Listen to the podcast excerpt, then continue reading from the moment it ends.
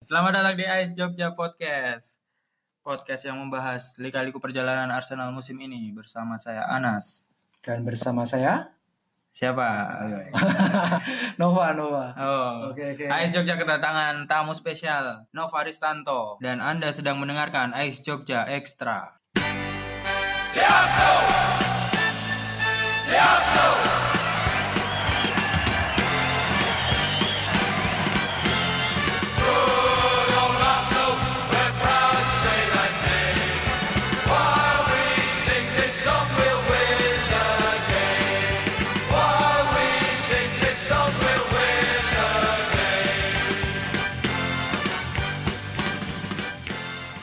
Nova Ristanto ini adalah supporter Arsenal yang Supporter Arsene Wenger. supporter Arsenal yang sangat rajin untuk datang ke match screening Ice Jogja dan selalu eh nggak selalu ya. Gak selalu. Kalau zaman dulu tuh Se- nge-chance terus. Setahun itu paling absen 4 kali dulu loh. Ah. 4 kali, 3 kali itu paling banyak. Mas Nova sejak kapan gabung komunitas match screening gitu ikut match screening? Aku tahun ini lupa ya mas. Tapi itu pas waktu di um, Di mana? Empire. Empire 2010 berarti. Iya. Star Star 2010. Iya sih, soalnya saya di Empire juga mulainya di situ. Itu 2010 emang. Kalau kalau nggak salah ya. Kalau nggak salah. Nanti saya konfirmasi ke sesepuh-sesepuh Ice Jogja. Oke. Tapi ini ya, tapi nge-chance ya. Ngecan Mantap ya, ngecan ngecan. Tapi sekarang udah agak agak menurun sejak Emery datang. Oh, jadi agak nggak setuju nih sebenarnya dengan kedatangan Emery ke Arsenal. aneh. Jadi ngeliat Arsenal tuh aneh. kalau ada Emery itu aneh.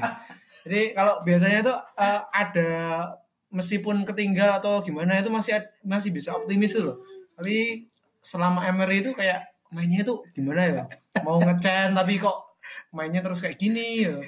Jadi nggak ada nggak ada yang bikin kita itu eh, bener-bener ada chemistry dengan apa namanya permainan Arsenalnya itu. Tapi emang bener sih mas, apa saya juga kayak nganggep eh, Emery ini adalah seorang pelatih yang aneh. Maksudnya dari cara dia ngelatih. Saya pernah baca tuh pas coaching, pas latihan di apa namanya di London kali. London Colney, Colney. Colney. Nah itu eh, apa programnya tuh sama terus. Jadi diulang-ulang terus kan. Meski ada bantahan, Oh udah ada bantahan ada, ada bantahan sebenarnya, ada bantahan dari salah satu ah, beberapa eh, ini sih yang sering lihat kayak Chris Davison macam-macam itu sempat eh, membantah karena eh, memang sebenarnya nggak nggak nggak sama terus, cuma Hmm. memang kondisinya itu eh, lebih bingung karena eh, formasinya memang berubah terus ya lebih di situnya sih eh, yang membingungkan dari para, para pemain itu. Dan kemarin Arsenal eh, dilanda sebuah apa ya? Bukan kekalahan tapi lebih dari imbang lawan Spurs ya kondisinya. Maksudnya secara permainan apalagi di babak kedua. eh, lebih parah daripada kalah sih sebenarnya. Mending kalah main bagus kalau saya loh. Kalau saya mungkin banyak ini ada yang bilang main jelek asal menang nggak masalah. Tapi aku kadang main eh, mainnya kalah tapi asal dia mainnya bagus tuh kadang tetap seneng. Masih seneng ya, masih, Masih ada seneng, yang ya. istilahnya dibanggain gitu. Masih bisa dibanggain dan masih bisa ngecan keras kalau mainnya bagus itu. Tapi kalau semisal Ah. main mainnya bener-bener nggak ada apa spirit uh, fighting macam-macam kayak gitu, ya kita ya bingung sih mau ngecan mau gimana terus abis itu nggak ada ya feel Arsenal W-nya tuh hilang kemarin Arsenal tuh, ya yang menurut saya. Dan itu memang sangat buruk dan sangat buruk walaupun imbang itu lebih lebih parah daripada kalah sebenarnya. Karena memang bertubi-tubi Arsenal itu mengalami serangan dari Watford. Sebenarnya udah kebaca waktu melawan eh, Newcastle. Tapi memang pas waktu Newcastle itu defense-nya bagus eh, dengan ketolong pas waktu itu ada Chambers dan eh, Arsenal baru sekali clean sheet itu karena ada Chambers, Bukan, Chambers. bukan karena Chambersnya tapi emang Chambers pas waktu itu mainnya rapi dengan eh, Socrates. Oh iya. Sedangkan David Luiz ini sebenarnya eh, se- se- eh, ini udah masuk materi belum? langsung, langsung aja langsung aja masuk ke pembahasan uh, Watford uh, lawan Arsenal Iya, untuk masalah Watford itu sebenarnya udah kebaca se- eh, se- sudah sudah terjadi ya di eh, laga melawan Newcastle karena di laga melawan Newcastle itu eh, serangan dari sisi kiri Newcastle atau dari sisi kanannya pertahanan Arsenal itu memang bener-bener dieksploitasi sama Saint Maxim itu ya. Oh, Eh, iya. ya, itu Walaupun dia masuk babak kedua. babak kedua, babak kedua dan itu bener-bener bertubi-tubi dan lebih bertubi-tubi lagi kemarin pas waktu Watford emang bener-bener dieksploitasi di sisinya eh, Maitland Niles Mm-mm. dan Oleh si Delofu. Delvo ya dan beberapa Pereira juga sempat dan emang bener-bener apa ya bener-bener nggak ada perlawanan jadi kalau saya itu kenapa jadi satu sistem bertahan itu mempengaruhi sistem merang juga Oh. kalau menurut eh, analisis saya jadi kalau eh, yang pandit lain bilang macam-macam silakan tapi kan kalau saya karena Iya. abal-abal ya Ya. gini. Jadi eh, kayak Emery itu kemarin sempat Jurgen Klopp pun sempat bingung dengan cara eh, taktik yang dimainkan Arsenal saat melawan Liverpool karena benar-benar eh Jurgen Klopp sampai bilang aku bingung kenapa eh, model taktiknya seperti ini. Dia nggak ngepres per, nganu apa Iya. pemain kita, Nunggu tapi malah eh, menunggu dan bertahan lebih dalam. Dalam. Nah, lebih dalam. Anehnya sisi kiri dan kanan kita yang diisi sama Alexander Arnold dan yang satunya lagi si Robertson, Robertson. justru malah eh, jadi lubang Mm-mm. dan itu dimanfaatkan PP berkali-kali eh, untuk eh, untuk naik di sisi kiri juga kemarin ada Cebalos Cebalos walaupun nggak terlalu bagus banget pas waktu lawan Liverpool, tapi benar-benar itu jadi lubang tersendiri buat Liverpool. Cuma kemudian eh, saat bertahan terlalu dalam, otomatis apa ya pemain menyerang kita kayak Auba terus kayak PP dan macam-macam itu untuk cover untuk membantu bertahan tuh dia harus lari Terlalu jauh. sprint ke belakang kayak gitu. Jadi kalau biasanya kalau uh, Wenger sih lebih baik melakukan pelanggaran dan banyak pelatih sih bukan hanya Wenger lebih baik melakukan pelanggaran di tengah lapangan daripada di dekat kotak penalti gitu kan. Dan itu biasanya benar-benar membuat gelandangnya itu bertarung benar-benar bertarung di lini tengah gitu. Hmm. Dan pas waktu kayak gitu eh, lini serang kita mau turun untuk bantu apa eh, defend untuk bantu ngerebut bola pun juga enak gitu. Hmm. Jadi nggak usah lari ke belakang terlalu jauh. Emang lebih berat karena kemarin seperti kau Gundasi itu bener-bener bantu sisi kanannya si Edson Niles dan kemudian yang kiri si Ceballos juga bantu si Kolasinac gitu. Mm-mm. Jadi bener-bener semisal uh, si Auba turun terus uh, PP turun juga nanti bener-bener ekstra kalau Hmm. semisal dia harus cover ini. Bahkan setelah uh, apa uh, setelah masuknya uh, Willock terus masuknya Nelson. Nelson pun juga udah diantisipasi sama Watford juga. Jadi uh, ada uh, marking tersendiri buat para para pemain serang Arsenal yang masih fresh gitu. Dan banyak beberapa orang uh, di sosial media itu uh, menyebutkan pergantian yang keliru. Menurut saya nggak keliru juga. Torreira itu pas waktu di Liverpool uh, lawan Liverpool itu benar-benar mengejutkan karena kalau bilang Emery nggak melakukan perubahan, ya melakukan perubahan karena dia berani menurunkan Torreira yang dalam laga-laga sebelum Liverpool itu belum pernah dimainkan sama sekali. Karena dia baru pulang dari dari timnas dan dia Amerika. rehat dulu agak lumayan lama terus akhirnya ya secara fisik terus secara ini nggak belum nyatu kalau hitungannya ini. Tapi kita kan nggak tahu apa yang dibutuhkan Emery dan eh, sukses waktu itu Torreira bisa nyetak gol satu gol Hmm. eh, minimal kita nggak terlalu inilah nggak nggak nggak kelihatan nol banget lah sehingga kita nggak mencetak gol. Dan itu terjadi nah kemarin ini Torreira dimasukkan dan benar-benar eh, harapannya bisa bantu dan juga Willock ya bisa bantu eh, untuk ikut build up ke depan jadi serangan balik tapi Willock sendiri ber- berbeda dengan Willock yang sebelum-sebelumnya Benar sekali. disenggol dikit jatuh, Jatuh. terus macam-macam dan ya umpannya nggak akurat eh kalau aku lebih apa ya jam jam bermainnya Jam jadi terbang dia ya. Ah, Pengalaman pe- berarti. Eh, bukan di situnya karena kalau kita ngelihat pas pramusim Bagus juga. bagus juga bahkan sempat dipuji sama si Zinedine Zidane pas waktu ketemu Real Madrid sebagai orang yang bisa mengatur serangan dan apa kapan harus menyerang itu dia benar-benar tahu Hmm. dan kapan harus eh, apa namanya eh, bagi bola secepatnya itu juga dia tahu Hmm. benar-benar tahu timing gitu tapi Willock yang kemarin ini benar-benar jauh dari Willock yang biasanya karena Hmm. menurut saya memang kondisinya dia jarang jadi pemain mengganti eh, selama empat pertandingan ini selain pas waktu starting eleven lawan Newcastle Newcastle dan terus habis itu Liverpool main juga langsung. main bentar tuh, ya tapi ada sisi yang hilang dari fitnessnya terus dari sisi apa sisi gaya permainannya juga agak hilang sih sebenarnya Hmm. jadi aku nggak terlalu mempermasalahkan kondisi itu dan kalau kemudian eh, ada komentar juga dari Emery yang bilang kenapa ganti Sebalos dengan Willock Karena alasannya cuaca. cuaca saya nggak tahu juga kondisinya emang kayaknya emang panas tapi eh, kalau disebut Watford Watford juga kena cuaca panas tapi Iya. kenapa bisa tetap kayak gitu Eh, masalahnya itu kita nggak bisa langsung eh, bisa apa bilang justice bener-bener oh ini kayak gini gitu. Karena kita nggak tahu kondisinya Di Arsenal ini seperti seperti apa gitu.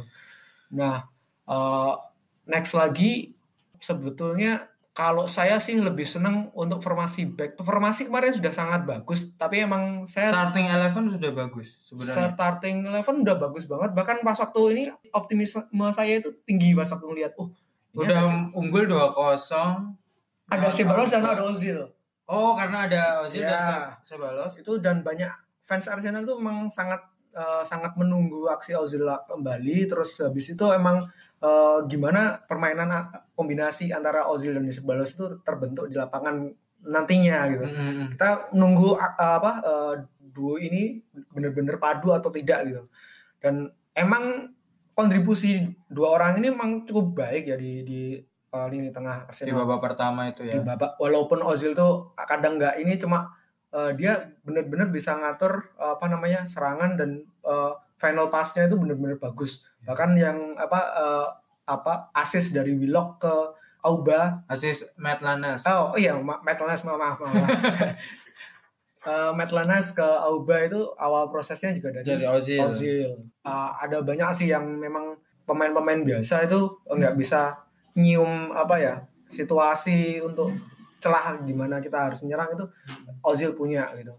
Dan setelah Ozil ditarik kayak, kayak mainnya itu gerusa-gerusu sekali sih. Nelson gerusa-gerusu terus eh, Willock. Willock gerusa-gerusu terus apalagi pertahanan kita terlalu dalam. Mungkin itu kondisi defend terus itu emang mungkin sekali ini ya harus buang bola jauh-jauh ya biar biar kita siap untuk kembali ke posisi masing-masing ya. Hmm. Saya menarik eh, inilah babak pertama itu kan sepertinya Watford nggak terlalu ngepres ya. Dan akhirnya ketinggalan 2-0. Iya. Dan build up Arsenal emang emang dari bawah kan. Maksudnya Dari dari dari kiper gitu. dari kan. kiper goal kick tuh diumpan ke Socrates atau David Luiz gitu. Dan di babak kedua di mana bencana itu eh, apa datang itu nggak dirubah gitu. Maksudnya udah gol kan. Tapi setelah itu masih dilakukan lagi. Itu apa yang salah gitu atau apa yang membuat Emery tidak menginstruksikan untuk langsung aja direct gitu. Bypass langsung ke Auba atau ke PP. Atau minimal dibuang lah maksudnya. Kenapa masih dipertahankan? masih masih belum ini sih tapi emang gaya permainannya eh, Emery dari PSG pun dari sebelum sebelum di Arsenal pun juga rata-rata build up-nya dari bawah ya. Kemarin itu satu hal yang nggak diantisipasi itu adalah masalah pressing dari pemain lawan. Jadi Oh iya, Aku sempat- si sempat- Watford tuh pressingnya tinggi banget. ya tinggi banget dan itu kayak kemarin kita ketemu Spurs itu kita juga pressing sampai beberapa kali Hugo Lloris pun juga agak Ah, susah juga untuk, untuk untuk bagi bola gitu. Dan itu terjadi sebaliknya ke Arsenal tadi kemarin itu kemarin. Arsenal lucu banget ya. Maksudnya dia tuh bisa melakukan pressing setinggi itu lawan Spurs, tapi ketika lawan Watford yang notabene ya kita lihat di klasmen dia. Walaupun dia memang si Watford ini pasti punya semangat lebih karena belum pernah menang, tapi kenapa ya itu?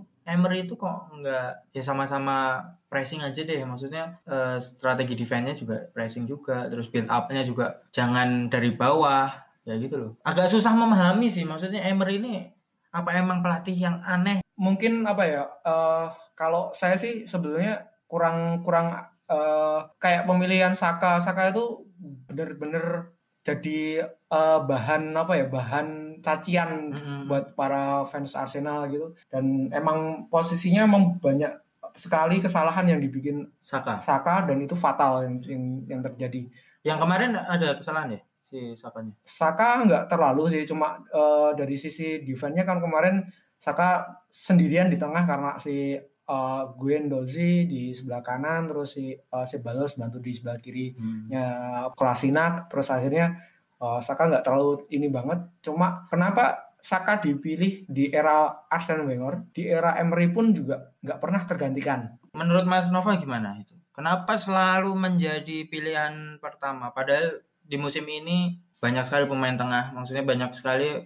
uh, pos tengah itu bisa di otak atik lah. Tapi si Saka ini nggak pernah atau nggak tahu nggak ada pemain yang kapasitasnya yang di posisi nomor 6 ya berarti kalau Saka ya yeah. itu nggak ada di Arsenal atau memang Emery ini emang senang banget sama Saka dengan gaya permainannya dengan kesalahan-kesalahannya.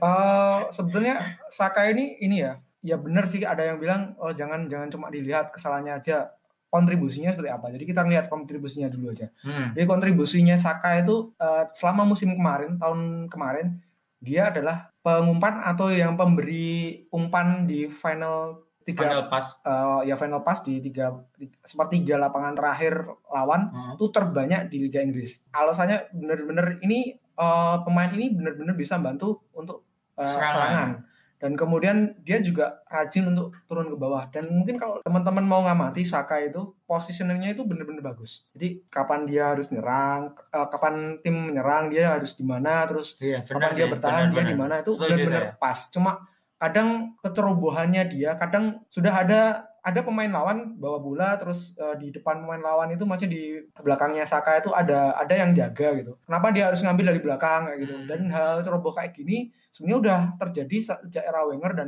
Arsene Wenger pun sempat ngomong jangan terlalu banyak melakukan apa uh, hal-hal yang tidak perlu dan uh, sebisa mungkin jangan mel uh, melakukan te uh, tackling uh, di dekat kontak penalti. Di dekat penalti kayak gitu.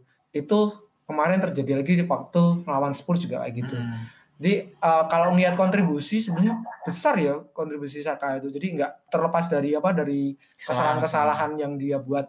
Cuma ya emang sepak bola soal momentum sih, soal momentum. Jadi sekecil apa pun kesalahan kalau itu memang fatal ya emang harus ini diminimalisir.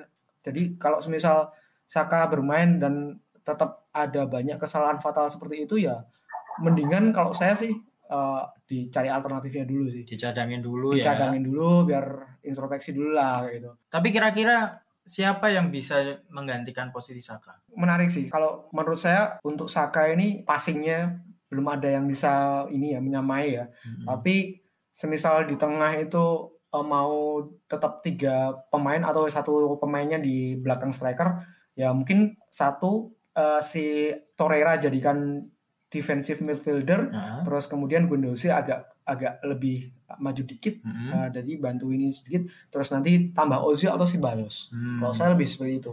Dan aku ngelihatnya pertahanan Arsenal itu mulai tampak ceroboh itu justru sejak ada David Luiz. Berarti mulai dari pertandingan kedua. Pertandingan kedua dan itu uh, apa namanya? David Luiz emang sudah lama uh, ya nggak terlalu lama belum sampai satu musim bersama dengan ini ya bersama dengan Emery gitu ya mm -hmm. dan dulu bahkan sempat dijadikan defensive midfielder juga jadi nggak jadikan back karena dia Pas di PSG PSG dan benar-benar apa uh, mungkin udah ada kepercayaan sendiri trust sendiri dari Emery ke si David, David Luiz. Luiz cuma problemnya adalah David Luiz itu memang punya mental apa ya mental bagus leadershipnya juga bagus. cuma emang kalau kita lihat statistik kalah jauh dari Mustafi. Oh iya? Kalah jauh dari Mustafi. Dan lebih bagus dari lebih bagus Mustafi daripada David Luiz untuk secara defense. Cuma untuk secara build up terus build up serangan, serangan dia lebih punya pilihan lebih bisa. bagus. Jadi nah. kita kalau ngelihat dia bagi bola itu ke mana harus bagi bola, ke mana hmm. dan itu benar-benar selektif banget dia bagi bolanya. Berarti lebih lebih visioner David Luiz daripada Mustafi. Iya benar. Cuma kita kan uh, tapi ada sisi negatifnya gini. Saat kita nyerang itu enak banget ngeliat David Luiz bagi bola itu enak uh, banget. Enak Terus bener-bener wah kita itu kayak mau bikin gol gitu. Hmm. Tapi pas waktu kita mau bertahan itu udah kayak kita mau kebobolan terus. Jadi kocar kacir ya. Kocar kacir. Jadi emang berantakan banget pertahanan Arsenal gitu. Kalau saya sih lebih lebih senengnya mungkin ada perpaduan juga sih. Jadi ada sistem rotasi. Jadi jangan sampai back back yang tidak bermain yang jarang bermain itu nanti secara permainan dan secara apa uh, koordinasi nanti jelek gitu. Uh, uh. Nah, jadi mungkin kalau saya lebih suka David Luiz dimainkan pas waktu saat away karena dia memiliki passing yang bagus terus macam-macam karena butuh serangan balik yang baik, bagus gitu kan dan nanti mungkin didampingi uh, pemain yang lebih punya kecepatan dan punya apa pertahanan yang bagus mungkin seperti Chambers atau uh, Holding nantinya uh, Socrates Socrates itu bagus tapi kayaknya memang karakternya ini ya hampir-hampir sama ya. Jadi mungkin nanti uh, Socrates juga bisa di, di apa dipadukan dengan uh, dipadukan dengan pemain muda yang lain. Hmm. Jadi uh, bagaimana kita mau menempa pemain muda kalau semisal kesempatan bermainnya pun juga sedikit gitu. Iya, benar juga. Jadi jangan sampai nanti uh, timpang antara tim inti dan tim cadangan itu karena masalah tidak ada jam terbang atau jam bermain yang cukup. Bahkan kalau kita melihat Willock eh, selama ini dia saat main di first time itu lebih bagus. Jadi dia selama masih ikut akademi dan uh dia bermain dengan akademi, terus kemudian tiba-tiba dipanggil uh, tim senior untuk yeah. main itu dia lebih bagus mainnya karena sering bermain di hmm. akademi dan sekarang ini karena jarang bermain di akademi, kalau ketika dia dimainkan di senior juga kelihatan agak payah juga pas kemarin nih. Waktu bermain itu juga berpengaruh. Penting ya. Sangat penting. Makanya kemarin uh, ada beberapa kayak pembahasan tentang apa starting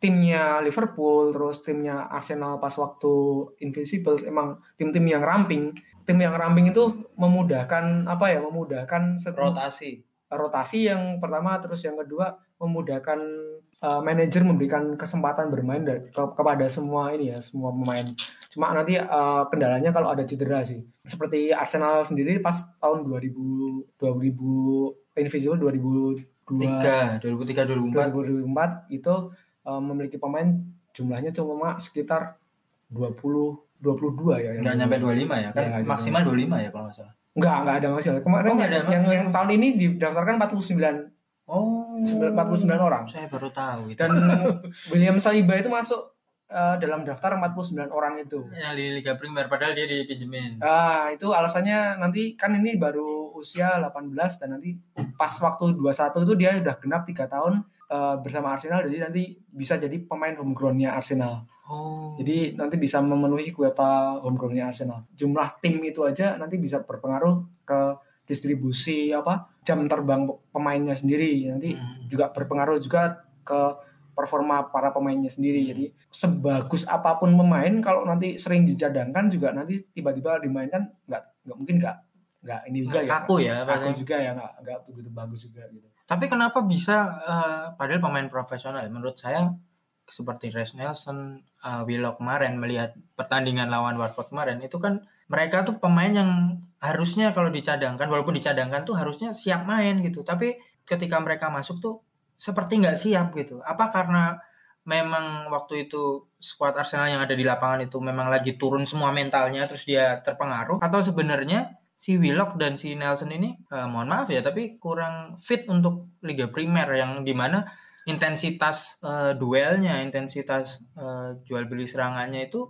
sangat tinggi. Uh, saya lebih nyorotin untuk masalah performa pemain itu lebih ke ini ya, masalah perubahan apa ya, perubahan taktikal ini ya, taktikal bermainnya Arsenal ya. Hmm. Jadi selama empat kali bermain kemarin itu hampir tiap pertandingan diganti strateginya dari uh, dari mulai uh, ketemu Newcastle, Newcastle terus Liverpool. ini itu diganti terus dari empat aku agak lupa 4231 ada pernah terus habis itu 433 pernah 3, terus 442 juga pernah iya kayak gitu jadi uh, secara sistem bermain kurang begitu pakem gitu ya. Hmm. nggak, ada pakemnya jadi positioning pemain pun juga agak agak bingung nantinya. Jadi ya terlihat di babak kedua lawan Watford iya, itu. jadi uh, semisal kita lihat saja sih kayak mungkin yang seperti Manchester City terus Liverpool yang mereka pakem dengan 4-3-3-nya cuma memang ada apa ada perubahan di apa di lini tengah hmm. dari masing-masing. Bahkan Liverpool pun juga uh, sering berubahnya di lini tengah kembali ke ini ya apa Arsenal versus Watford kemarin. Di babak kedua tuh sebenarnya uh, niat Emery memasukkan Nelson sama Willock tuh apa sih mas sebenarnya? Ada komentar nggak? Tentang pergantian itu maksudnya tentang niatnya Emery itu sebenarnya apa sih gitu loh. Maksudnya udah unggul apakah pengen bertahan dengan memasukkan Willock? Yang lebih notabene lebih bertahan daripada Sebalos dan siapa? Gendozi ya itu. Terus uh, kebobolan terus masukin Nelson itu juga buat apa? Maksudnya kalau udah 2-1 ya udah gitu. Kita masih menang dan kenapa nggak mempertahankan Ozil? Kan itu Ozil ya yang diganti sama Willock. Nggak mempertahankan Ozil aja karena biar bisa ngasih passing yang enak gitu buat Auba atau minimal Pepe. menjaga ini ya menjaga positioning iya menjaga keseimbangan juga di belakang. Iya, udah jadi... ada Willock terus di depan masih ada Ozil gitu. Kalau ini udah hilang semua itu karpet itu sebenarnya itu saya nggak nggak paham makanya saya bilang pelatih apa sih WMR itu pelatih yang aneh gitu kalau udah unggul malah blunder memasukkan pemain yang harusnya nggak usah dimainin juga nggak apa-apa gitu jadi kalau kemarin kita ngelihat PP itu uh, awal ya PP. Kenapa bahas PP? Karena PP itu rekrutan Arsenal yang direkrut karena alasannya performa tandang yang jelek dan performa tandang yang jelek itu dipengaruhi karena tidak memiliki pemain yang punya kecepatan. Salah satu oh, itu performa Arsenal. Performa musim Arsenal lalu. musim lalu ya. Uh, dari situ kenapa ngambil Nicolas PP bukan back yang mahal sekalian yang bagus sekalian mungkin uh, Maguire itu. nah, Waduh, kok Maguire? nah, jadi itu jadi uh, alasan tersendiri Emery kemarin uh, kenapa dia ngambil Nicolas Pepe gitu. Dan hmm. kemarin Nicolas Pepe itu emang belum padu dengan Auba. Jadi bagus sih, bagus. Sering sekali dia uh, sukses dalam dribbling macam-macam dia dia bagus sekali. Cuma untuk saat dia umpan terakhir macam-macam kadang masih belum ada apa ya chemistry dengan si Auba Aubameyang. Jadi aku sempat lihat uh, dua kali uh, final pass itu salah apa salah arahnya gitu loh nggak nggak nyampe ya sebenarnya maksudnya bagus tapi Auba itu uh, geraknya ternyata nggak ke situ gitu. oh, oh, saya ingat itu di umpan ke depan kan? Ya uh, apa sih namanya itu? Ya, terobosan gitu uh, terobosan. Aubanya nggak lari malah lari. lari ke samping. Nggak ya. ngejar bolanya. Masih belum belum padu jadi uh, emang butuh yang depannya itu lebih kompak. Jadi uh, alasan kemar kemarin ganti uh, eh, PP pun udah sebenarnya udah, udah bagus ya dengan si Nelson. Cuma Nelson ternyata kok mainnya kayak gini gitu. Disenggol dikit jatuh terus sering kehilangan bola dan kayak gitu dan untuk masalah Willock Willock uh, yang jelas emang ini ya lebih ke, ke menjaga menjaga kebugaran pemain apalagi yang di lini tengah karena lini tengah uh, sudah bang, banyak banget maju mundur maju mundur terutama Gundosi dan uh, si Bayos Hmm. Jadi emang opsi mengganti itu sudah sangat sangat tepat cuma habis uh, kalau di di ini lagi uh, tipikal apa pemain yang bisa menjaga bola atau memainkan tempo itu nggak ada nggak ada nggak ada di sisi Willock dan si Torreira. Jadi yeah. Iya. uh, itu yang kehilangan kemarin. Jadi emang juga sangat disesalkan sih kemarin pergantian seperti itu gitu. Malah kalau semisal emang mau seperti ini ya mendingan Willock yang dimainkan di starting eleven-nya dan kemudian baru mainin apa mainin Guendouzi berikutnya atau uh, si siapa? Si Ceballos uh, di laga kedua gitu. Di babak kedua, kedua. ya. Oh ya kalau menurut saya tuh niatnya kalau menurut saya ya niatnya Emery ganti si Ozil ganti Ceballos itu karena mungkin ingin bertahan mas. Jadi kan masukin Willock yang notabene lebih bertahan. Di situ juga waktu itu masih ada Guendouzi kan.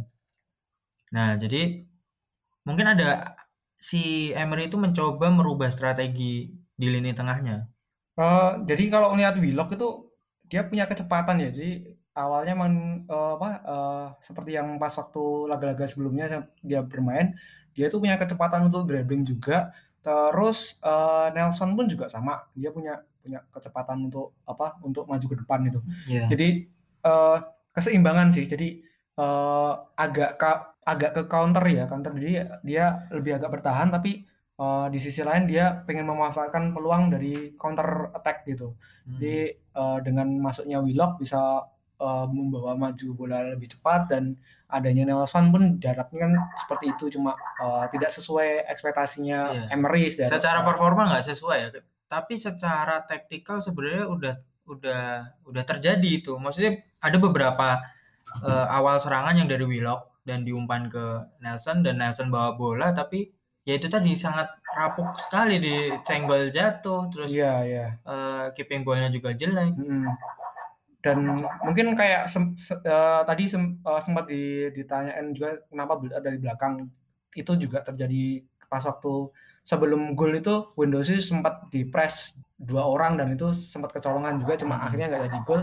Terus yang ke- kedua jadi gol dari kesalahannya. Socrates dan eh, hal tersebut itu apa ya agak lucu. Jadi sudah tahu seperti itu kenapa nggak ada eh, model build up yang berbeda gitu. Nah itu yang Nah, jadi pertanyaan sebenarnya. Jadi pemain itu kayak nggak diberi eh, Instruksi nggak ada maksudnya ini misalnya Willock masuk kan eh, pemain masuk tuh di dalam sepak bola kan pasti di, di apa disangoni apa sih Diberikan- Dimodali. dimodali instruksi untuk gimana gimana apa berubah posisinya atau berubah strateginya atau formasinya gitu. Tapi kemarin itu sama aja ma- masuknya kedua orang ini nggak ada perubahan malah semakin tertekan semakin serangan Watford malah semakin ngeri lah gitu. Maksudnya beberapa kali kalau bukan kipernya Leno saya yakin lebih bisa kalah lah Arsenal.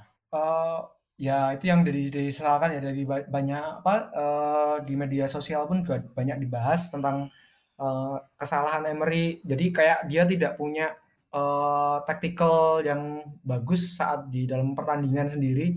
Eh, dia bagus dalam eh, apa prepare pertandingan dari mulai video macam-macam terus kemudian bagaimana eh, game plan-nya dia seperti apa itu benar-benar sudah jelas cuma pas waktu pertandingannya sendiri dia tidak bisa kayak reading ya membaca membaca pertandingannya sendiri nggak begitu bagus gitu jadi kadang kayak dia salah ngambil keputusan mengganti pemain atau kemudian ini dan ya, ya seperti tadi soal masalah build up pun juga akhirnya bukan hanya Emery pemain sendiri juga harusnya eh, apalagi yang syarat pengalaman kayak Socrates ya itu udah bermain di Dortmund juga lama dan eh, sering juga bermain melawan eh, Bayern Munchen yang notabene-nya juga memiliki apa eh, permainan kelas yang bagus lah gitu. Heeh. Dan kemarin itu kalau kita normal saja itu kalau semisal opsi kita umpan depan, kiri dan kanan kalau semisal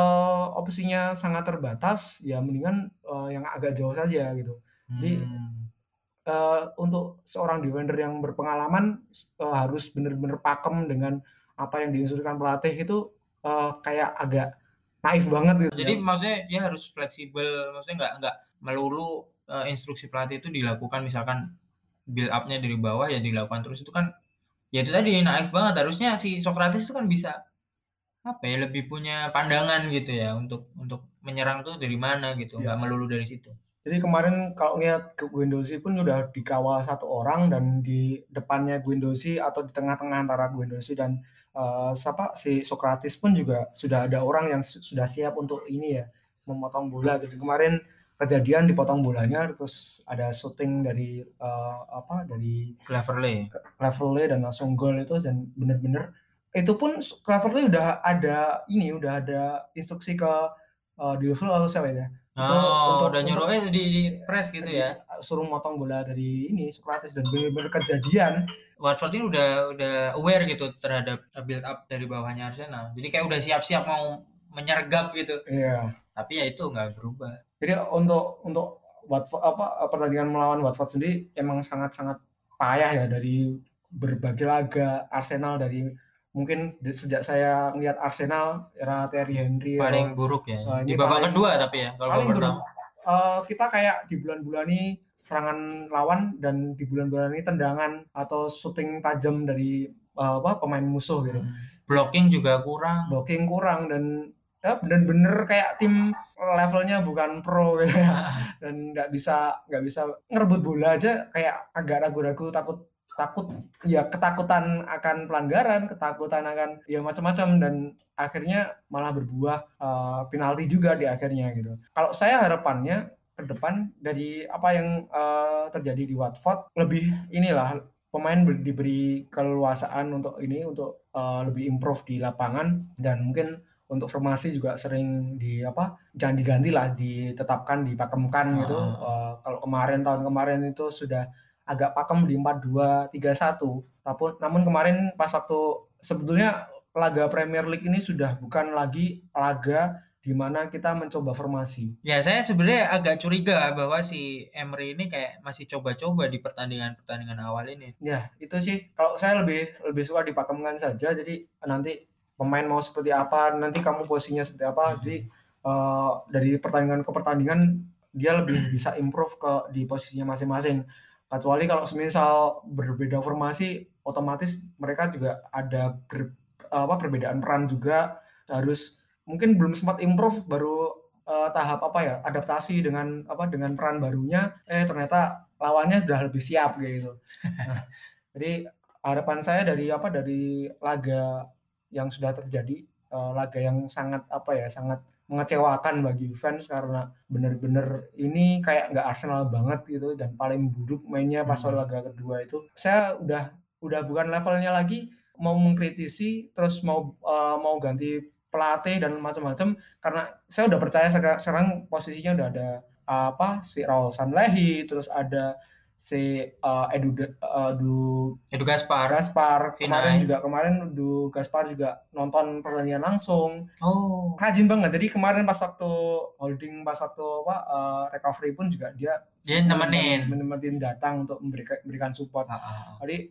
saya yakin dari Edu Gaspar ini sudah sangat bagus untuk apa jadi uh, DNA-nya Arsenal itu seperti apa Edu Gaspar lebih tahu mana pelatih yang sesuai dengan DNA-nya Arsenal. Terus terang untuk Emery emang ini uh, untuk soal gaya emang hampir sama ya ada posisi apa uh, ball-nya ada. ada dan macam-macam dan uh, tapi emang nggak begitu ini ya nggak begitu Arsenal banget gitu dan kalau kita ngelihat uh, ngelihat kayak Amsterdam kenapa ngambil uh, Erik Ten Hag ya Erik hmm. Ten Hag karena uh, dia berlatar belakang sebagai asistennya uh, Pep Guardiola terus oh, Pep iya. Guardiola muridnya Frank Rijkaard Frank Rijkaard itu dari Ayah dan ada silsilahnya ada silsilahnya dan itu benar-benar dia nyari yang benar-benar uh, memiliki Ayah DNA ah. dan bahkan untuk sesi rekrutmen pun juga ada sembilan apa sembilan kategori untuk uh, pemain bisa direkrut oleh Ajax Amsterdam dan oh. itu nantinya mungkin dari sisi Edu uh, Gaspar. Gaspar sendiri nanti juga ada hal-hal yang seperti itu jadi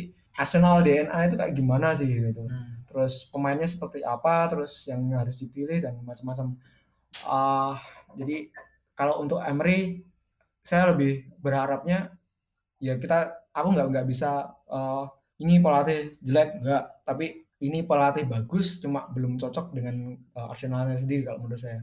Jadi hmm. uh, kalau untuk saat ini agar lebih aman pakemkan formasi, kemudian uh, soal build, build up dan macam-macam mungkin lebih lebih apa lebih fleksibel walaupun mungkin lebih banyak di build up dari belakang sih seperti itu. Kalau untuk Emery sendiri kan ini kontraknya habis di tahun tahun ini ya? Uh, gimana kalau kontrak kontrak Emery ini sebenarnya gimana? Eh, kemarin aku sempat baca pas waktu perekrutan Emery awal itu benar-benar hati-hati manajemen Arsenal itu ngambil Emery. Jadi Emery itu dikontrak selama tiga tahun. Namun uh, dalam tiga tahun itu yang kontraknya benar-benar di apa? Uh, jadi sebenarnya Emery itu kontraknya tidak benar-benar tiga tahun. Sebenarnya cuma dua tahun dengan opsi tambahan satu tahun. Oh. Jadi iya. tidak tidak benar-benar tiga tahun. Jadi semisal uh, ada apa ya istilahnya kayak tidak sesuai ekspektasi dari manajemen uh, Arsenal di tahun kedua di tahun kedua bisa dipecat atau tidak diberikan kontrak extensionnya atau uh, tambahannya gitu ah, ah. jadi nggak nggak benar-benar tiga tahun dan emang pemilihan Emery ini benar-benar masih uh, pemilihan jangka pe jangka pendek bukan jangka panjangnya uh, mungkin nanti benar-benar harus dari mulai sekarang harus benar-benar uh, menjaring pelatih yang benar-benar punya apa DNA-nya Arsenal, terus gaya, mainnya Arsenal, terus uh, bisa mengangkat klub dan mengangkat mental pemain gitu. Jadi kalau kita lihat Jeff pemain-pemain yang udah meninggalkan Arsenal seperti Jeff, Jeff siapa? Jeff Rene Adelaide, oh, terus yes, tadi Daniel Malen, terus habis itu Ismail Benazer, terus nah, jadi semua ya itu. Jadi semua. Dan uh, kenapa di Arsenal nggak jadi? Ya kalau kemarin di autobiografinya Peter Mertesacker bilang karena Arsenal tuh udah gemuk skuadnya dan uh, pas waktu itu ada uh, apa uh, macam Iwobi, Theo Walcott dan macam-macam dan kesempatan pemain muda untuk berkembang di Arsenal itu sangat minim. Di uh, peluangnya itu memilih untuk dilepas dan harapan saya di era Emery ini pemain-pemain di usia 21, 22 ini kayak Chambers, kayak 23 ya. Terus ya, habis itu si siapa? Holding. Holding dan lain-lain itu diberi kesempatan. Jadi jangan sampai stuck di situ saja dan tidak ada perkembangan. Bahkan mungkin nanti lebih berkembang Nketiah hmm. daripada Nelson, Nelson sendiri. Mungkin itu. Jadi ada optimisme tersendiri uh, dengan kondisi Arsenal saat ini. Walaupun sekarang baru terpuruk di lini pertahanannya jelek banget mainnya benar-benar jelek. Tapi uh, ada banyak harapan uh, di pundak Hector Bellerin dan Kieran Tierney. Dan dua nama ini emang benar-benar bagus ya benar-benar bagus. Tapi kalau semisal model permainannya atau gaya bermainnya seperti ini saya masih nggak yakin. ya. ah nggak yakin. Ya mungkin ada sedikit perbedaan tapi nggak bisa lebih baik uh, maksudnya nggak bisa bener-bener jauh lebih baik dari yang saat ini terjadi gitu. Kecuali Emery bener-bener mau uh, berubah uh, nggak keras kepala dengan dengan uh, formasinya saat ini gitu.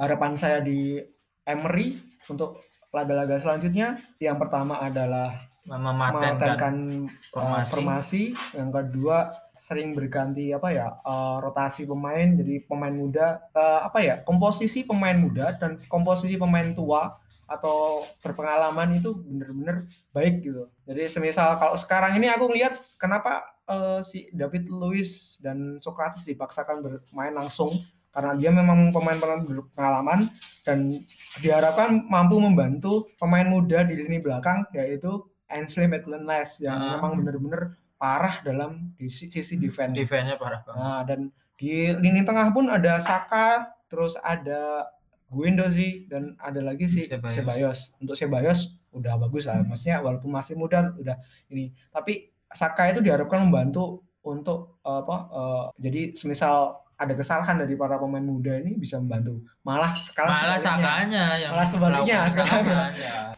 Uh, menurut saya berarti untuk musim ini boleh disarankan ya untuk teman-teman Gunners tuh agar tidak berekspektasi terlalu tinggi. Kok ketawa Anda? udah pesimis. Bukan pesimis. Kita uh, saya optimis Arsenal akan uh, ada di peringkat 4. saya optimis, cuman setiap pertandingan kita jangan berekspektasi untuk okay. Arsenal tuh akan bermain atraktif, bagus ball possession dan main indah. main indah seperti masa-masa lalu. Masa-masa lalu. Masa-masa dengan mantan. Iya ya ampun. Uh, karena udah beberapa kali dan berulang-ulang Emery nggak bisa ya membawa tim ini tuh jadi tim yang uh, superior dan Arsenal banget gitu. Maksudnya uh, menjalankan sepak bola Arsenal gitu loh. Di mana atraktif umpan-umpannya selalu menghibur. menghibur. Setiap pemain punya apa namanya karakter. karakter masing-masing dan keluar gitu. Nah, Emery itu menurut saya nggak bisa mungkin belum bisa ya. Atau kalau kalau nggak bisa ya naif banget ya. Maksudnya dia kan juga lebih pelatih top lah. eh, pelatih top level lah di di dunia. Tapi ya itu Saka aja belum bisa. Menurut saya ya kenapa di Arsenal mainnya gitu gitu aja ya karena Emery belum bisa mengeluarkan karakter sesungguhnya seperti misalkan Maitland Niles gitu yang sebenarnya tangguh ya sebenarnya ya. Hmm. Basicnya tuh bagus, tapi one on one sering kelewat gitu. Jadi berdasarkan menurut saya berdasarkan lima pertandingan awal Arsenal untuk musim ini jangan terlalu berekspektasi di setiap pertandingan Arsenal melihat Arsenal yang seperti dulu. Berita bahagianya adalah Emery ini kan bukan proyek jangka panjang ya. ya. Jadi seperti yang dibilang Mas Nova tadi kan e, dua tahun kalau misalkan bagus di tahun kedua berarti ada ekstensi satu tahun. Satu tahun. Nah itu apa sih sebenarnya yang yang jadi batasan Emery untuk diperpanjang atau dikeluarkan gitu? Apa target Arsenal sebenarnya di musim ini? Uh, kalau dari beberapa sumber dan apa uh, Vinay Venkatesam dan yang kemarin sempat ngobrol barengan sama uh, Rausan Lehi kemarin sempat bilang uh, kehilangan jatah atau tempat di UCL itu benar-benar berpengaruh pada keuangan klub terutama untuk pemasukan ya walaupun kita udah dari sponsor banyak terus uh, dari pendapatan dari Liga Premiernya kita juga termasuk yang tinggi gitu hak siarnya uh, ya. ya pembagian hak siar ada yang rata ada yang benar-benar dibagi karena siaran TV-nya kita lebih banyak atau gimana gitu hmm. itu ada sendiri juga porsinya jadi kita memang termasuk yang tinggi gitu nah itu tapi kita benar-benar kehilangan dari sisi Liga Champion itu untuk uh, menambah surplus dan kita mungkin bisa memperbaiki tim inti kita gitu. Jadi kalau kita melihat era sekarang ini, era Raul Sandahi sangat berbeda jauh dari eranya Gazidis, Ivan Gazidis, dan hampir hampir sama dengan kondisinya waktu kita masih di uh, di apa ya di Ayomi atau di benar-benar diarahkan oleh David Dane dan itu yang oh, membuat iya, iya. prestasi Arsenal era Wenger setelah David Dane itu benar-benar turun bagaimana dia mencium perform, apa pemain berbakat terus mempunyai karakter Arsenal banget terus bahkan dia memilih Arsene Wenger pun itu juga pilihan dari David Den oh. sebagai orang yang sangat-sangat visioner gitu dan untuk masalah gaji pun uh, David Den itu sangat bagus jadi perimbangan gaji itu sangat baik jadi kalau kemarin kenapa Arsenal jarang bisa beli pemain top padahal kita memiliki pendapatan yang banyak karena kita juga pengeluaran gajinya banyak. Hmm. Sekelas pemain cadangan kita bis, harus membayar harus dibebankan biaya sekitar 150 ribu Pounds per pekan. Per pekan? Per pekan. Itu seperti kayak Theo Walcott, oh. terus dan beberapa macam. Bahkan kalau kita lihat uh, Theo Walcott itu uh, kayak cadangan abadi ya di Arsenal. Itu 150 di musim-musim akhirnya? Ya di musim-musim akhirnya. Itu 150 ribu per pekan. Sedangkan kita kalau lihat sekarang tim inti kita kayak si Torreira itu cuma sekitar 40 ribu pounds per pekan. Dan itu uh, keseimbangan gaji antara pemain inti dan pemain cadangan itu benar-benar harus uh, diperhatikan karena ini nggak nggak kecil ya. Dan catatan menariknya dengan melepas banyak pemain yang uh, apa di bursa transfer 2019-2020 uh, musim panas ini Arsenal tuh bisa menghemat sekitar satu juta pounds per pekan oh, dari lumayan, ya. dari ya? melepas Ramsey, dari melepas uh, apa uh, pensiunnya Cech dan main-main lain-lain gitu. Itu bisa diinvestasiin ke ini Mas, apa investasi ternak kambing. uh, paling enggak kita kebantu dari apa dari sisi apa ya? Uh, cicilan kita. Jadi kayak si, si uh, Oh iya, Ding. Ini kayak, ya. Siapa? Saya balas tuh masih nyicil. Kalau saya balas itu kan kita uh, ada pinjam. biaya pinjam juga. Selain oh. gaji ada biaya pinjam terus tiap, kemudian apa, enggak cuma selama satu musim itu dia kalau nggak salah biaya pinjamnya 5 juta per eh per, uh, pound per per, per, per tahun per tahun ya setahunnya oh. untuk Real Madrid. Terus kemudian sedang uh, uh, si PP itu kita ada tagihan sekitar 20 juta per tahun. Hmm, karena harga dia kan 80 80 gitu, sekitar 80-an lah gitu. Dan itu diinstal selama 4 tahun kalau 5 tahun gitu. Ah. Uh, agak lupa sih. Terus sedangkan kalau si uh, yang paling agak gede sebenarnya lebih ke Tierney karena Tierney itu sebagian besar dibayar di muka dulu. Jadi karena uh, Celticnya maunya itu. Maunya seperti itu ya. kalau enggak kita nggak dapat Tierney. Namun kalau kita lihat dari proporsi seperti ini pun kita sudah bisa benar-benar lihat uh, dari sisi pemain utama dan pemain cadangan itu uh, struktur gajinya sudah cukup sehat, cukup sehat. Jadi pemain cadangan nggak terlalu ini terlalu tinggi gajinya dan pemain utama pun juga uh, cuma beberapa yang bintang yang memang benar-benar dikasih uh, gaji tinggi kecuali yang agak agak mengecewakan itu Ozil karena Ozil udah kasih tinggi tapi jarang dimainkan sama Emery gitu dan hmm. uh, kabarnya tidak masuk dalam skema uh, permainan Emery gitu. Dan ya sayang saja sih kalau menurut saya gitu. Uh, dari situ kita udah melihat manajemen Arsenal itu sudah udah mulai memperbaiki mulai uh, apa uh, membereskan hal-hal yang benar-benar berantakan di sisi Arsenal sendiri. Jadi ruangan ruangan Arsenal ini benar-benar harus ditata dari segi apa uh, marketingnya terus dari semua lini ya dari semua lini dan Intinya. itu dan Raul kita sudah harus percaya dengan Don Raul dan uh, berikutnya untuk masalah pemain rekrutmennya seperti apa kita dan pelatih yang harus diambil hmm. seperti apa kita harus percaya kepada uh, Edu, Edu Gaspar dan pesan saya kepada seluruh fan Arsenal atau uh, semua Gunner semua Jang, uh, bolehlah kalian ini, bolehlah kalian uh, mencaci atau tidak puas dengan Emery saat ini. Uh, walaupun kalau kita lihat kenapa Emery akhirnya lanjut di tahun kedua karena emang evaluasi dari dari uh, manajemen Arsenal sendiri Emery memang memiliki prestasi yang sangat bagus karena uh, kemarin sempat uh, final Liga Eropa dan kemudian uh, dia tidak terdampar di posisi yang jelek. Mungkin kalau kita bandingin dengan era MU setelah atau pasca uh, Sir Alex Ferguson itu itu benar-benar parah dan sekarang ini era pasca Arsene Wenger yang sudah 22 tahun melatih Arsenal dan kemudian digantikan Emery ini benar-benar sangat baik dan sangat bagus daripada yang dialami oleh Manchester United dan itu sangat bagus. Wajar kalau semu kemudian uh, dari manajemen memberikan perpanjangan kontrak dan kita memiliki harapan di tahun keduanya ini benar-benar bisa berkembang dan semakin baik uh, permainan Arsenal. Namun kalau kita lihat kalau kita lihat lima pertandingan awal kita disuguhkan permainan yang sangat-sangat bukan uh, Arsenal, bukan Arsenal dan sangat-sangat uh, kurang ini ya, dia nggak bagus lah gitu dan yang bagus tuh Arsenal di lima pertandingan awal ini ya individu-individunya.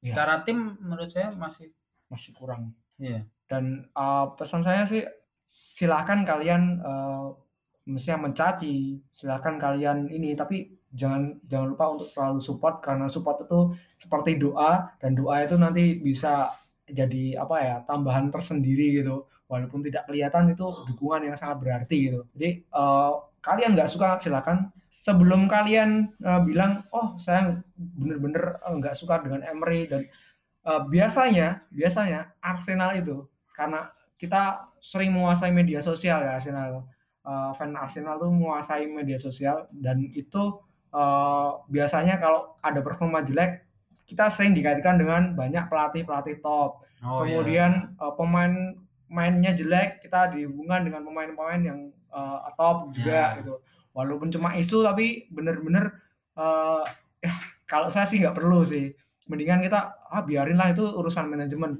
uh, mau rekrut siapa mau siapa yang akan masuk terus mau pemain mahal atau pemain murah intinya toh uh, bukan pemain mahalnya atau pemain murahnya, tapi kualitasnya yang kita butuhkan. Seperti Gundogan pun juga kita nggak terlalu banyak keluar uang, tapi ternyata uh, apa permainannya sangat bagus dan langsung nyetal di Arsenal juga. Dan uh, saya harapannya kita percaya sama manajemen saja, silakan kritik apa yang terjadi di Arsenal sekarang, tapi uh, saya yakin dari tim manajemen pun, manajemen Arsenal pun itu sudah selalu setiap hari evaluasi, edu Gaspar pun juga tiap hari melihat menonton langsung pertandingan Arsenal dan dia pasti tahu bagaimana Emery dan bagaimana squad uh, apa Arsenal saat ini apakah harus tetap uh, seperti ini dan kemungkinan tetap bisa mungkin kayak keempat besar gitu atau uh, Liga Champion tapi kalau semisal ada deteksi awal dari manajemen apa namanya uh, tidak sesuai dengan ekspektasi mereka mungkin kemungkinan besar sebelum kita mengharapkan dia dipecat atau uh, Emery dipecat, manajemen sudah memecat duluan. Hmm, jadi mungkin di musim ini bisa jadi Emery tidak hmm, tidak satu musim di Arsenal. Kalau uh, seperti ini terus ya trennya nanti kemungkinan tetap uh, nggak ini karena uh, kalau seperti ini ya kita nggak bisa ini ya peringkat minimal peringkat 4 atau masuk ke Liga Champion. Uh, Liga Champion karena memang tujuannya Liga Champion dan ya itulah salah satu yang saat ini jadi golnya Arsenal uh, selama uh, periode baru setelah uh, Arsene Wenger keluar gitu. Berarti Emery itu sebenarnya punya tekanan yang tinggi ya di Arsenal oleh manajemen. Tapi yang bikin heran itu adalah yaitu cara dia melatih cara permainan Arsenal itu jadi nggak seperti ada tekanan gitu padahal kan dari awal juga udah uh, pasti udah dikasih target lah apalagi musim ini harus Liga Champion dan uh, bisa dibilang musim ini adalah musim terakhir Emery kan. Maksudnya kalau kita dari, lihat dari dia, kontraknya gitu. Ah, kalau dilihat dari kontraknya. Kalau masalah itu ya kembali lagi uh, untuk masalah performa Emery kita bebas lah mau bilang A B C D E tapi posisinya uh, manajemen udah udah udah uh, mengawasi terus dan untuk masalah target jelas uh, Liga Champion dan mungkin uh, untuk masalah waktu semisal Emery tetap seperti ini terus dan kapan akan dipecat juga mungkin dari manajemen juga udah ada hitung-hitungannya juga. Jadi uh, kalau sekarang tiba-tiba dipecat uh, resikonya seperti apa itu juga sudah pasti udah dipikirin sama si Edu ya. man manajemen juga sih. Jadi kita nggak perlu nggak perlu lagi ini karena pelatih top pemain top untuk uh, untuk saat ini. Apalagi pelatih top kalau misal di pertengahan waktu kita mau ganti pelatih top tuh sudah udah mapan ya. Mungkin kalau kita ya sebut nama banyak banget sih kecuali yang kalau sekarang baru nganggur Allegri nganggur Allegri. terus Jose Mourinho tapi apa ada, ada yang mau Jose Mourinho uh, saya tidak mau sih ya mungkin kan saya juga akan pensiun jadi, jadi Arsenal. fan Arsenal untuk untuk selama selama Mary Mourinho, Mourinho melatih. melatih gitu karena emang saya nggak suka strategi defense apalagi parkir bis kayak gitu terus pendekatan sama pemainnya juga pendekatan pemain terus uh, kemudian sering menyalahkan pemain juga gitu. Itu bukan bukan apa ya bukan Arsenal banget gitu. Dan ya kalau saya uh, kita serahkan aja ke manajemen. Jangan oh, okay. di tengah pekan ini Arsenal akan bertemu Frankfurt di Europa League. Apakah ada perubahan squad pastinya ada ya mungkin ya banyak ya pasti karena banyak pemain Arsenal yang di lima pertandingan awal itu menit bermainnya kurang seperti apa Mas Nova? Uh, sebetulnya un untuk apa untuk susunan atau komposisi pemain akan sangat memungkinkan uh, ada perubahan karena jeda antara pertandingan satu dan pertandingan lain itu sangat ini ya mepet ya. Sebetulnya tidak diganti pun tidak masalah, cuma posisinya karena banyak yang memang uh, lebih fit daripada yang kemarin bermain, lebih baik memang ada beberapa uh, tenaga baru gitu. Menurut saya nanti tetap sama untuk masalah kiper tetap sama, terus kemudian kiper nggak ada perubahan masuk. Saya pengen lihat Martinez. Martinez. Kalau saya ngelihatnya maksudnya Martinez nggak ada menit bermain sama sekali. Kemudian ini melawan tim Jerman dan tim Jerman itu uh, kebanyakan oh, iya. pemainnya uh, bagus dalam syuting jarak jauh atau tendangan jarak jauhnya bagus-bagus dan karakternya itu benar-benar. Jadi emang Brand Leno ini apalagi dia asli Jerman dan sudah lama sekali di Leverkusen atau di uh, Liga Jerman jadi lebih lebih tahu lah kondisinya uh, permainan Liga Jerman seperti apa. Nah mungkin kalau untuk kiper tetap sama, mungkin nanti komposisi back tengah atau mungkin tengah dan depan mungkin nanti ada perbedaan. Kira-kira gimana mas di lini belakang? Berarti masih Leno? Masih Leno. Terus untuk susunan back mungkin nanti Center bisa. Uh, kemarin kita ngelihat juga langsung si apa uh, Dinos Mavropano sudah mulai bermain di usia U23. 23 terus kemudian Rob Holding pun juga ikut serta di dalamnya jadi ada kemungkinan juga nanti antara Holding atau Mavropanos kalau kemungkinan Holding sih Holding karena, kalau Mavropanos baru sekali main di U23 dan kalau saya ini boleh saran buat Uni Emery uh, tolong didengarkan saran dari Mas Nova ya, itu mendingan besok dimainkan antara Socrates dan Rob Holding atau Chambers Chambers yang lebih lebih benar-benar fit dan lebih siap untuk bermain. Kenapa uh, Socrates? Socrates juga berasal dari Liga Jerman juga, jadi tahulah karakter, karakteristik permainan Liga Jerman dan uh, dengan holding nanti ada tenaga fresh yang benar-benar bisa bantu uh, apa uh, pertahanan Arsenal nantinya. Di sisi pertahanan bagaimana? Apakah tetap Nels ya? Karena Bellerin belum bisa main ya. Uh, tetap sama uh, sisi kanan dan sisi kiri back itu tetap sama karena posisinya uh, masing-masing pos itu pemain utamanya baru cedera semua. Uh -uh. Dan belum ada gantinya. Kan mau ganti siapa? Chambers kalau dimasukkan di uh, posisi kanan kemarin pas waktu laga uji coba pun nggak begitu baik dalam membantu serangan bahkan defense-nya juga akhirnya jadi kacau gitu. Karena dia uh, telat mundur gitu. Dan memang lebih bagus Niles tapi uh, defense-nya nggak sebaik ini nggak sebaik Chambers. Hmm. Jadi misal mau mainin Chambers atau Mustafi di kanan ya. Tapi bisa aja loh Mas besok itu uh, backnya Mustafi sama Chambers. Gimana itu? Bisa, bisa. bisa kan? Mustafi belum belum mendapatkan menit bermain. Belum mendapatkan menit bermain, tapi uh, kalau dari dilihat dari apa perkataan Unai Emery kemarin uh, ada beberapa pemain yang sudah tahu posisinya seperti apa dan uh, dia ada di squad atau tidak itu sebenarnya udah udah dijelaskan di uh, ke semua pemain dan uh, dari hal tersebut kita udah tahu bahwa si uh, apa uh, dari beberapa ini sumber bahwa Mustafi itu benar-benar udah nggak masuk dan akan sekarang. menjadi cadangan uh, seumur hidup. semoga seumur hidup. Di sisa kontrak lah nah, terus kita naik ke lini tengah. Apakah Saka masih menjadi pilihan utama? Masih masih jadi pilihan utama karena Saka emang ya apa ya memang lebih disukai Emery kemudian dia memang jadi kapten nomor satu.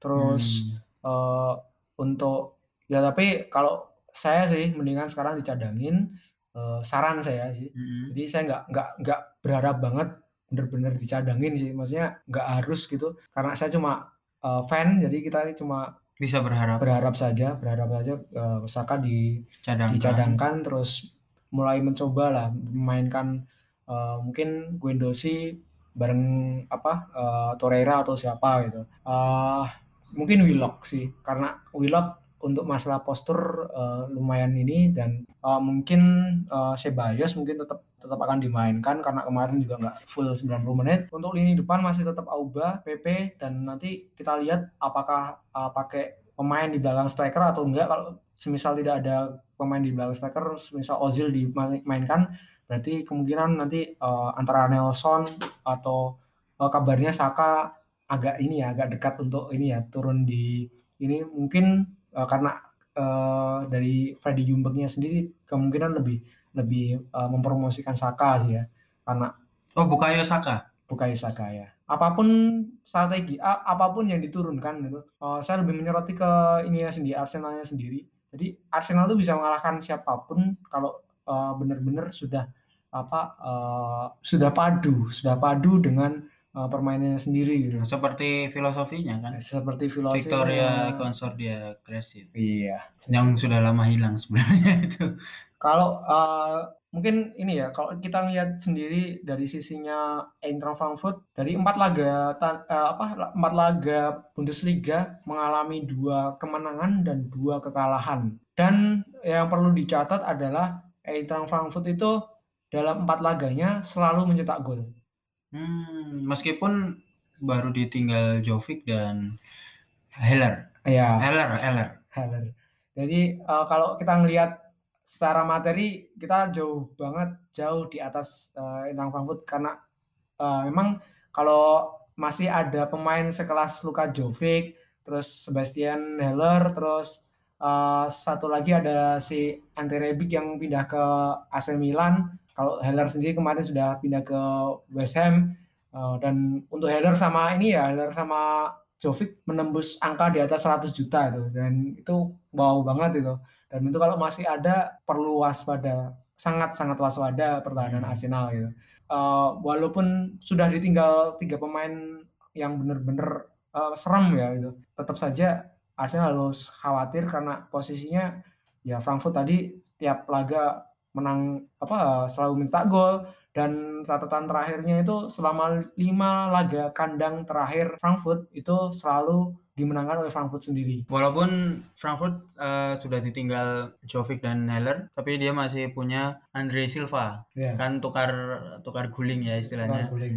Dan di squad Frankfurt ada juga si siapa Gonzalo Pacienza. Itu apakah bisa menjadi ancaman buat Arsenal? Sangat bisa karena posisinya di kalau semisal bisa jadi ancaman karena saya lihat pelatihnya sama terus kemudian sistemnya juga udah udah terbentuk jadi uh, mungkin secara kualitas serangan agak menurun tapi dengan kondisi yang yang sudah pakem udah uh, bener-bener tertata gitu ya sangat mengancam Arsenal sih karena hmm. kalau kita ngelihat apalagi nanti, uh, besok malam itu tandang hmm. dan itu di kandang Enang Frankfurt yang uh, selama lima kali pertandingan belum pernah kalah dan lima pertandingan itu diakhiri dengan kemenangan Enang Frankfurt gitu. Nanti jadi beban atau tantangan tersendiri bagi Unai Emery untuk me, apa membereskan lini belakangnya yang saat ini baru bener-bener dagelan gitu. Kalau bahasa bahasa bahasa ini udah gelan lah gitu. Apalagi di Frankfurt ada pemain yang pernah main di Liga Inggris, Jonathan De Guzman. Ya, kalau nama yang kita familiar ya, familiar di uh, telinga kita yang paling paling familiar ya ini si Kevin Trapp yang kemarin sempat main di apa PSG. di PSG terus kemudian uh, Jonathan Guzman, Guzman itu sudah sering bertemu dengan Arsenal karena uh, di musim 2000 ah aku gak lupa tapi itu masih bersama Swansea selama dua tahun nggak usah di uh, peminjaman di Swansea. Itu sering banget dimainkan dan pernah bertemu dengan eh, bermain melawan Arsenal gitu. Arsenalnya Arsene Wenger tapi Arsenalnya ya. Arsene Wenger. tapi Arsenalnya Arsene Wenger dengan Arsenalnya Unai Emery untuk salah pertahanan nggak uh, jauh beda Nggak sih. jauh beda. Dan mungkin mungkin masih lebih bagusan Wenger untuk ini pertahanannya. Terus untuk eh, ini ya, mungkin eh, kembali lagi ke skuad komposisi yang akan dimainkan Emery. Kan tadi kiper Leno, di tengah backnya ada tadi siapa tadi? Mengharapkan Chambers main Socrates dan sama Chambers. Socrates. Atau mungkin holding gantinya Chambers.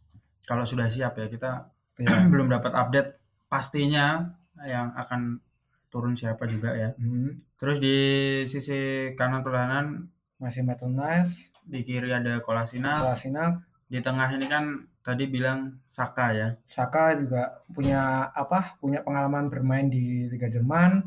Hmm. Terus selain itu juga masih sangat disukai sama Unai Emery. Terus apa lagi ya? Eh, mungkin ya itu tadi Ceballos sama satu lagi mungkin Guendouzi tempat tempat terakhirnya. Terus eh, untuk lini depan mungkin nanti eh, antara di kiri mungkin antara Martinelli atau Nelson. Di depan mungkin masih sama ya Mas. Si Masih sama dengan Auba, PP tetap main. Kalau kalau enggak mungkin nanti eh, antara Dani Ceballos eh, ya mungkin Dani Ceballos sih Dani Ceballos nanti di posisi kiri di agak di Oh eh, seperti lawan Liverpool. Ceballos Eh, di kiri, tengah Auba, di iya. kanan ada PP. Mungkin nggak sih main dengan formasi 4-4-2? Kalau lihat kemarin agak ini ya agak tanggung ya karena aku malah lebih suka lihat 4-3-3 ya pas waktu ketemu Tottenham Hotspur kemarin Eh, jadi ada pressing tersendiri ke pemain back lawan dan eh, jadi pemain itu mau build up dari belakang dari apa dari eh, backnya pun sudah susah dari Hmm. Spursnya kemarin. Jadi kita ngelihatnya tuh oh enak banget ini pressingnya eh, eh, ketat banget gitu dan itu nanti akan lebih memudahkan apa uh, pemain tengah jadi nggak harus langsung mundur banget karena uh, bisa nunggu juga uh, umpan umpan salah dari uh, backnya uh, Lawan. lawan gitu jadi kalau saya sih ya ini nanti tergantung bagaimana prepare-nya Emery terus bagaimana nanti kesiapan timnya uh, memainkan apa uh, formasi yang udah di apa di diterapkan oleh Emery Uh, kalau semisal itu udah oke ya nanti kemungkinan nggak ada masalah sih buat kita menang meskipun di tandang Frankfurt. Tapi kalau semisal masih ada inkonsisten dalam hal permainan di Arsenalnya sendiri, kemungkinan nanti ya bisa saja kita kalah. Untuk prediksi skor kira-kira Sangat sangat susah ya. ya. karena Eh, belum pernah ketemu juga. belum pernah ketemu terus ya tapi optimis ada gol sih ada gol tapi eh, golnya seberapa eh, masih ini apalagi Auba juga eh, alumni sana dan moncer di ini ya di, di Bundesliga. Bundesliga eh, sering apa dapat sepatu emas terus eh, dan kalau saya sih prediksinya sekitar 21 atau 31 sih itu udah su- sudah sudah cukup bagus untuk tim tamu. Tapi kalau semisal mainnya tidak konsisten, kemungkinan bisa juga imbang antara 22 atau mungkin kalau semisal eh, kalah ya 21 nanti kita. Kalahnya tipis ya. Kalahnya tipis. Sebenarnya yang menarik tuh nanti yang saya tunggu adalah komposisi lini belakang Arsenal sih mas. Saya masih apa ya penasaran dengan eh, Chambers dan Mustafi. Walaupun tadi sudah dibahas ya, maksudnya Mustafi kemungkinan kecil untuk main di musim ini di liga mana pun Terbatas. kecil, terbatas karena memang tidak masuk skema eh, Emery. Bahkan sempat udah masuk di ini ya apa kayak List- eh, list list jual. jual gitu. Kalau saya sih prediksinya mungkin kalau kalah sih bisa saja kalah tipis sih tapi mungkin 1-0 apa 2-1 ya. Masih sama ya. Masih sama. Heeh. Kalau menang kadang tuh Arsenal punya kebiasaan di mana dia habis terpuruk terus dia bisa meledak apa dengan mencetak gol yang banyak. Antara dua itu sih. Dan pertandingan mungkin agak sedikit alot ya karena Frankfurt di kandang eh, sangat perkasa dan Arsenal di tandang pasti akan mencoba eh, lebih baik daripada pertandingan sebelumnya. Kalau saya prediksinya mungkin karena saya optimis menang banyak jadi 3-0. Nanti yang mencetak gol adalah Nicolas Pepe, Martinelli dan Auba. Oke. Pegang ya Oke, siap, siap. kata-kata saya. Jadi kalau Martinelli, Pepe dan Auba. Ya, ya itu sekali lagi buat teman-teman Gunners eh, jangan berekspektasi terlalu tinggi untuk musim ini. Oke, oke. Itu menurut saya ya, itu menurut saya. Setuju. Tidak usah ikut campur. Citizen. Citizen udah pasti eh, Eh, peringkat dua. Belum, belum, jangan bro. Peringkat Kamu- satunya Kamu Arsenal. rela. Tidak, tidak dong. Tidak rela dong. Udah paling aman emang semuanya nyerahin ke City. Iya emang aman karena belum punya sejarah. Biarkan anak City itu Enggak membuat sejarah dulu. nggak suka ini barang ya, maksudnya bully anu fans klub lain ya, kecuali MU sih. Eh, Kalau kalau Mas Nova gimana? Kalau saya sih masih optimis ya. Jadi semisal Bukan jangan optimis sih Mas, maksudnya ekspektasi ya, optimis berekspektasi, ya, optimis oke. menang ya, tapi jangan berekspektasi bahwa Arsenal akan bermain seperti Arsenal yang dulu gitu maksudnya. Kalau saya masih ini ya masih punya apa eh, optimisme dan eh, saya masih punya optimisme dan eh, pada level tertentu saya eh, sangat percaya dengan manajemen saat ini. Ini jauh jauh jauh lebih baik dari eh, manajemen yang dipimpin oleh Ivan Gaz- Gazidis dan saya yakin semisal di pertengahan eh, apa pertengahan musim atau sebelum pertengahan musim pun kalau Arsenal benar-benar terseok-seok saya akan eh, saya sangat yakin ada perubahan di sisi kepelatihan maupun di sisi apa si- ya minimal kepelatihan lah di sisi Arsenal sendiri. Jadi masih ada banyak apa o- optimisme yang saya simpan dari apa dari sisi manajemennya sendiri bukan dari sisi pelatih. Oh iya. Itu saja sajian Ice Jogja Extra di episode Ice Jogja Podcast yang keempat. Terima kasih Mas Nova Ya sama-sama dan mohon doanya sih ya. menang. Semoga menang. Dan terima kasih sudah mau mendengarkan dan silakan memberikan masukan Berikan masukan untuk Ice Jogja bisa lewat mention atau DM di berbagai media sosial Ice Jogja. Terima kasih sudah mendengarkan Ice Jogja Podcast. Sampai jumpa di episode selanjutnya. Ah, terima kasih Mas C. Arif yang telah memberikan tempat untuk Ice Jogja me siap, siap. melakukan podcast. Siap, saya dari sini tahu dalam-dalamannya Ice ya. dari mana sisi lemahnya bisa nyerangnya. Oke, siap. Ya, sampai jumpa lagi Bung Jar. Siap, siap. Bung. Selamat berjuang. Semoga Siti bisa Amin. degradasi. Eh. Jangan.